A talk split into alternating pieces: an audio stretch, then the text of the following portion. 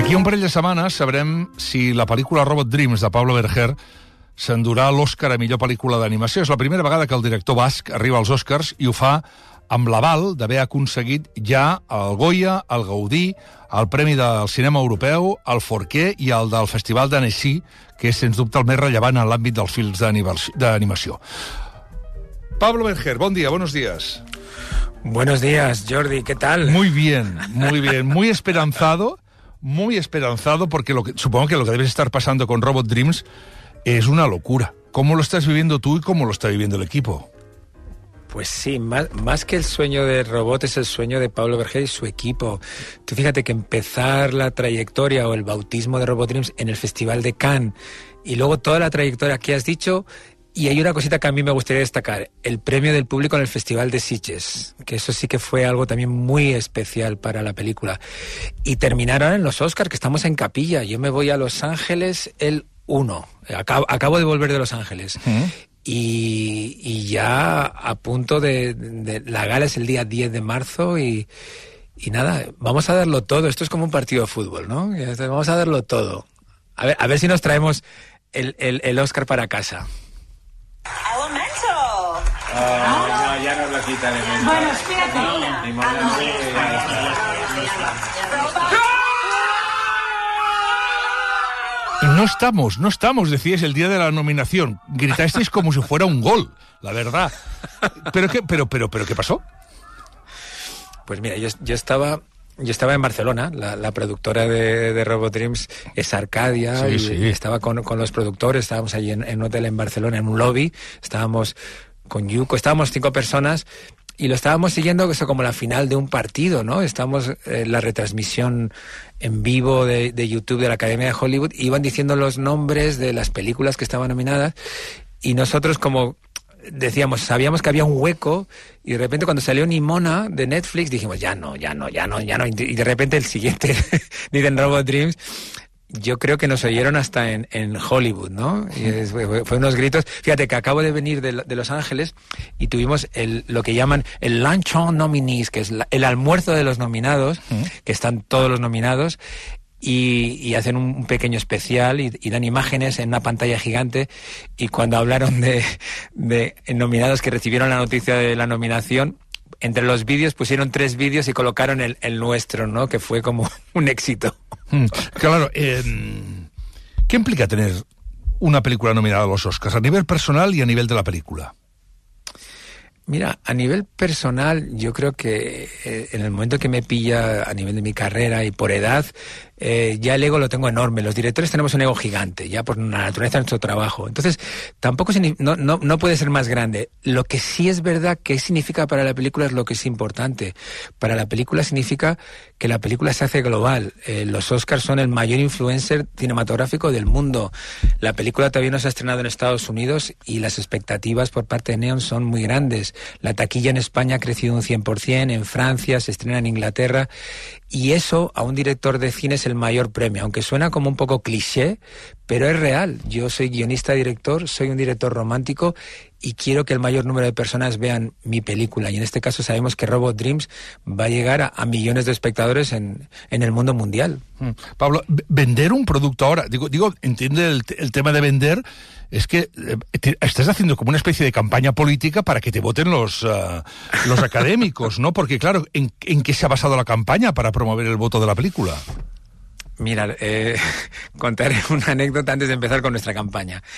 Eh, hace muy poco, hace unas cuantas semanas, eh, vino Martin Scorsese a España a hacer campaña. ¿Vale? Yo tuve la suerte de conocerle a Martin Scorsese porque yo soy académico de Hollywood, hicieron una comida. O sea, si Martin Scorsese viene a España a hacer campaña, ¿cómo no vamos a ir los mortales, los aprendices de cineastas, a Los Ángeles a hacer campaña? Entonces, yo he estado en plena campaña con el megáfono gritando pasen y vean a todos los académicos que, que, quisiesen ver la película. Haces muchas proyecciones, haces muchos coloquios, haces muchos encuentros y haces muchas entrevistas. Y, y lo haces contento, porque es que eh, la, la, ocasión se lo merece. Yo creo que hay, hay que darlo todo porque nunca se sabe. Siempre está, todos conocemos la historia de David contra Goliat. Obviamente los grandes favoritos de, la, de nuestra categoría son Miyazaki y Spider-Man.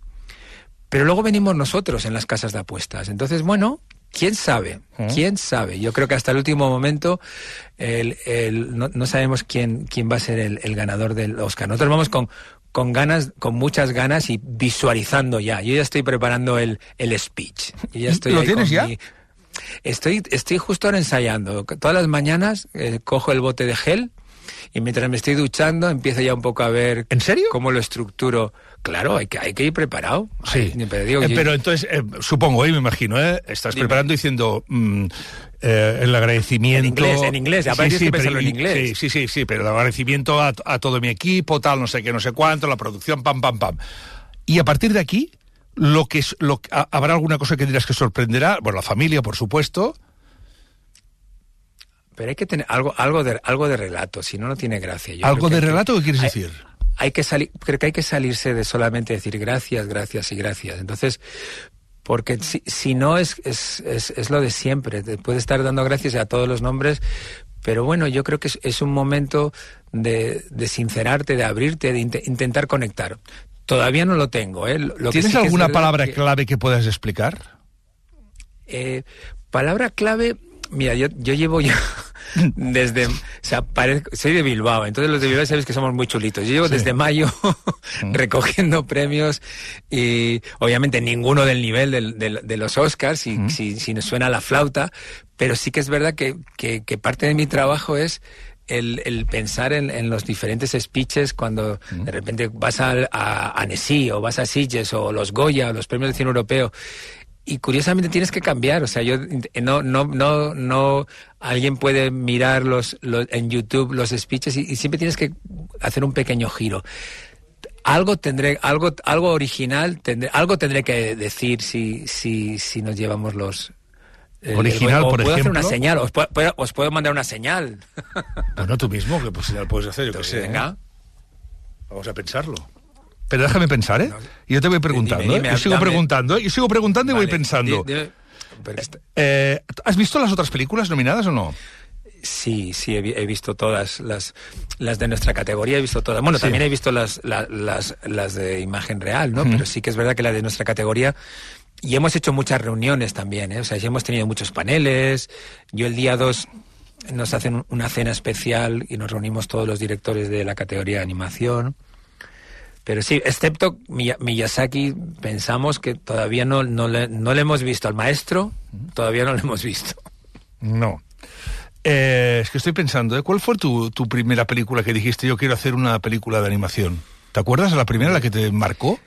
Lo, lo que pasa es que, fíjate Tampoco, que no yo te he hecho gusta cuatro, peli cuatro, que he hecho cuatro películas, entonces mi, nunca pensé que iba a hacer una película. O sea, nunca en mi vida me imaginé haciendo una película de animación y menos estar nominado al Oscar por una película de animación. Entonces, sí que te puedo decir, mi primera película en la que de repente dije, eh, hay, hay un director, hay, quiero, el cine es algo que me, que me llega muy, muy, muy profundo y te diré que es, que es Tiburón. O sea, Tiburón de, de, de, Steven Spielberg fue, fue la película. Y aquí te cuento a, anécdota que me ha pasado hace nada, hace menos de 10 días. En, en, el almuerzo de los nominados, yo estaba en, en el fotocall, o sea, hay un pequeño fotocall que te sacas una foto con el presidente de la academia, y resulta que estoy yo solo y miro hacia atrás y ¿quién tengo detrás? Spielberg. A Steven, a Steven Spielberg, y que justo termina de hacerse la foto y se coloca detrás mío y yo creo, por poco me desmayo porque no, para mí Steven Spielberg es, ya os acordáis, Fernando Trueba decía que, que no creía en Dios. Que Billy en, Wilder. En Billy Wilder, pues, pues a, a, mí me pasa algo parecido. Cuando vi a Spielberg, mi corazón empezó a, a palpitar mucho más rápido, pero ya a estas alturas ya no me corto, entonces tenía que expresarle mi admiración. Entonces le conté justo esto, cómo cómo tiburón, cómo me afectó y cómo fue la razón de dedicarme al cine, ¿no? Entonces, él fue encantador, simpatiquísimo, con una enorme sonrisa, y me preguntó, ¿y por qué estás nominado a, a los Oscars? Y le dije, por una película de animación, Robot Dreams, y, ah, no la ha visto, pues ya la voy a ver. Entonces, esos dos minutos que tuve con Steven Spielberg, te, os juro que ya para mí fue como llevarme el Oscar. Bueno, o sea, ya, a, a, ya, pues, yo ya estoy feliz. Pues ya, ya podéis hablar de Spielberg, por ejemplo. Claro, ya Spielberg, mira, En curioso, el, en el curiosamente, discurso, quiero decir, y él puede hablar, Puedo hablar de Spielberg. También es verdad, Spielberg, yo creo que siempre hay que echar Claro. hay que, hay que aprovechar. A- a- Fíjate que luego nos encontramos, luego se lo dije a Sandra y a Ivonne y a los productores de Arcadia, está con Spielberg, Se- no se lo podían creer. Y luego le vimos en, en, en el, en el cóctel, que estábamos ahí unos poquitos los nominados, y ya nos sacamos la foto y de repente Spielberg me viene y me dice, hombre, me saluda, me saludó Spielberg como ya como viejos amigos. Tú sabes lo, lo que chulé, o sea, se quedaron mis productores, no daban crédito que Spielberg me saluda, hombre, how are you? Oh, nice to see you again. O sea, bueno, Spielberg y yo ya somos eh, BFF. A, a todo esto, eh, que la película no tenga diálogos, ¿complicó encontrar productora o no? Bueno, yo, yo tengo la suerte de que llevo trabajando con la misma productora Arcadia desde Blancanieves. Y ya Blancanieves era un, un proyecto que iba a la contra, que ya no tenía diálogo blanco y negro. Luego hizo una, una comedia hipnótica esperpéntica, abracadabra. Están acostumbrados. O sea, ya, ya son como. Mis productores son como mis padres y saben que yo soy un rebelde y que voy a la contra. Y me miman. Y afortunadamente eh, son proyectos viables económicamente y como, como esto es una industria cultural, han ganado sus dineritos y seguimos adelante. Entonces, el hecho de que fuese sin palabras, eh, no, ya habíamos hecho Blancanieves. Lo que sí que es verdad que lo que sí que era novedoso era hacer una película de animación para un director que no tenía experiencia en el, en el mundo de la animación y una productora que tampoco. Pero afortunadamente se financió muy rápido. Hubo interés por, por el CNC francés, productores franceses, televisiones. Y, y ahí nos lanzamos a la, a la aventura, o sea que, que... Pero bueno, es un poco marca de la casa. Yo cada película que hago es... Intento que sea diferente a la anterior y, y, y lo que no hay que olvidar nunca es que detrás de... Más que detrás, al lado de un director o una directora siempre tiene que haber un productor o una productora que, que le apoye y en mi caso yo tengo la suerte de, de contarlo.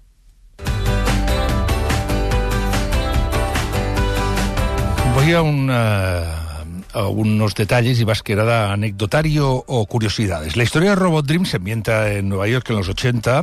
Las Torres Gemelas todavía están en pie. Se hace raro verlas incluso siendo dibujos eh, anima- o en animación. Eh, es verdad que Pablo Berger conoce muy bien Nueva York porque vivieron 15 años en Estados Unidos y tenía 13 años Pablo cuando fue por primera vez a Nueva York y ha pasado muchos veranos allí. Es una ciudad que te embriaga, te seduce y te, y te hace adorarla. Pero yo tengo una pregunta que es el edificio número 527 que vemos en la película donde vive Perro, ¿corresponde a algún lugar que conoces o conocías o no? No, total. Esa es, esa es mi última casa, mi, mi última casa de, de Yuko y, y mía en, en- en Manhattan, en, en el East Village. ¿En serio? Y para y sí, sí, no, por eso digo que, que esta es mi, mi película más personal. Yo creo que es como yo digo, yo soy Dog. Yo absolutamente soy Dog. Y la casa de Dog es mi última casa, lo que ve por la ventana, el exterior, el portal. Y pasan muchas cosas en la casa de, de, de Dog. Es importante. Aun estando ambientada en Nueva York, hay, hay algún guiño, como el naranjito que vemos en la bolsa del perro protagonista. ¿Algún otro detalle escondido? Sí, no, hab- había que hacer eh, guiños a, a- a nuestra cultura y hay y hay, un- hay una relación para los que han visto la película o lo habéis visto. Dog tiene una relación también con una pata. Una pata muy cool, que va en Vespa, que es súper guay, súper mona, pero le hace ghosting. Eh, Perdón por el spoiler, pero eh, y, la, y la pata se va a Barcelona. Entonces la pata dice, move to Europe. Y entonces le manda una postal desde Barcelona, que eso también era un homenaje a, o sin duda, a, Barcelona. Y, y hay un guiño que yo no, no lo voy a desvelar, pero quiero que la gente que no ha visto la película o los que la vayan a ver otra vez, que se fijen en el sello, y no voy a decir, en el sello que aparece en la postal de Barcelona.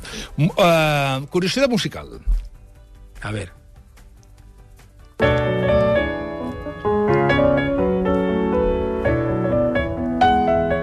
Usar la canción del Wayne and Fire como leitmotiv de la película era cosa de las historias de Sarah Baron o fue idea tuya? Eh, no, la, la novela gráfica de Sarah Baron es, es muy sencilla, digo, en el sentido de que, que tiene los personajes, no tiene personajes de fondo, no tiene Nueva York, es sin palabras, entonces el- la música no tiene, no tiene, no tiene un valor, no, no era algo destacable, no, no aparecen referencias, canci- no había un playlist con la novela gráfica. En la primera versión del guion, eh, yo ya establecí que el, tema de Robot y Dog era September. Y tampoco había que ser un genio, ¿no? Había, mm, sino que si la película se desarrollaba de septiembre a septiembre, funcionaba maravillosamente bien la canción September y sobre todo porque fuese funky y bailable, porque una de las secuencias claves de la película es que Robot y Dog bailan eh, sobre patines, hacen un roller dance en Central Park con esta canción. Y, y, de alguna manera esa canción se convirtió en el tema. Y hay versiones en piano, como esa, esa versión tan preciosa de, de piano eh, de Dani Esparza, obviamente el compositor es Alfonso Villayonga, hay unos arreglos, pero aparece un, un, un montón de, de veces en, en, en, la película. Y eso es algo que, que todos sabemos. Yo creo que todas las relaciones, ya sea amigos, parejas, de padres e hijos, hay canciones, las canciones marcan y entonces para nosotros era muy importante que Robot y Dog tuviesen su canción, que cuando se escuchase esa canción Robot pensase en ro Robot pensase en Dog y Dog pensase en Robot. Por cierto que la película se estrenó en cines el 6 de diciembre, evidentemente los premios repercuten en las salas, esto es novedad. Y en plataformas tendremos que esperar, todavía la gente puede ir al cine a verla, hasta finales de marzo, que se estrenará primero en Filming, después más tarde en Movistar Plus. Y los Oscars son la última parada para Robot Dreams. Y la pregunta es para Pablo Berger, después, ¿qué le espera? Si ya sabe el próximo proyecto. Mira, rematando un poco lo que has dicho, lo, lo bonito es que que las, la película se estrenó el 6 de diciembre y sigue en salas. O sea, en Cataluña están un montón de salas sí, y los directores diseñamos la película para que se vea en salas. Eh, Sabéis que yo tuve mi canto de guerra en los Goya, no sé si los viste, digo, larga vida al sí. cine en las salas. Llegar a las plataformas y como bien has dicho, conviven, son, son dos ventanas, son dos, dos tiempos diferentes. Ahora para ver Robot Dreams hay que ir a verla a las salas, que es como se ha diseñado, en pantalla grande, en compañía de gente, porque esta es una película old school, habla de, de las relaciones, de los abrazos, de, de llamar a un amigo para ir al cine. Pero luego sí, como bien habéis dicho, llegará a Filmin, a Movistar, y esa es la segunda parte de la carrera. Y, y siguiente proyecto, mira, eh, sigo acompañando a Robot Dream. De momento, luego me voy a Italia una semana, me voy a Inglaterra, obviamente me voy a los Oscar. Yo creo que hasta verano estaré acompañando a Robot y Dog por el mundo, con el megáfono, pasen y vean. Pero sí que es verdad que ya, ya estoy con. Tengo varias ideas en la cabeza que me están diciendo: déjame salir, déjame salir. ¿Animación? A ver qué o sale. Pues no lo sé. He disfrutado mucho, ¿eh? Volvería sin duda a repetir. Yo creo que si pensamos en directores que se mueven entre los dos mundos, mira, eh, Fernando Trueba ha repetido, eh, Wes Anderson, eh, Guillermo del Toro, ahora quiere hacer solo animación, aunque ahora, aunque ahora está rodando Frankenstein, ¿eh? de imagen real. ¿eh? no lo sé, pero, pero te abre un mundo. O sea, la animación no tiene límite. Eh, el único límite para la animación es la imaginación del director y de su equipo. Pablo, buen viaje. Y esperemos que pase lo que deseamos que pase. Y si no pasa, no pasa nada. Pablo Berger, un abrazo muy fuerte y felicidades. Muchísimas gracias por, por tenerme en vuestro programa. Un saludo. Un saludo. Un Pablo Berger, avui aquí al Món a RAC1 parlant de Robot Dreams.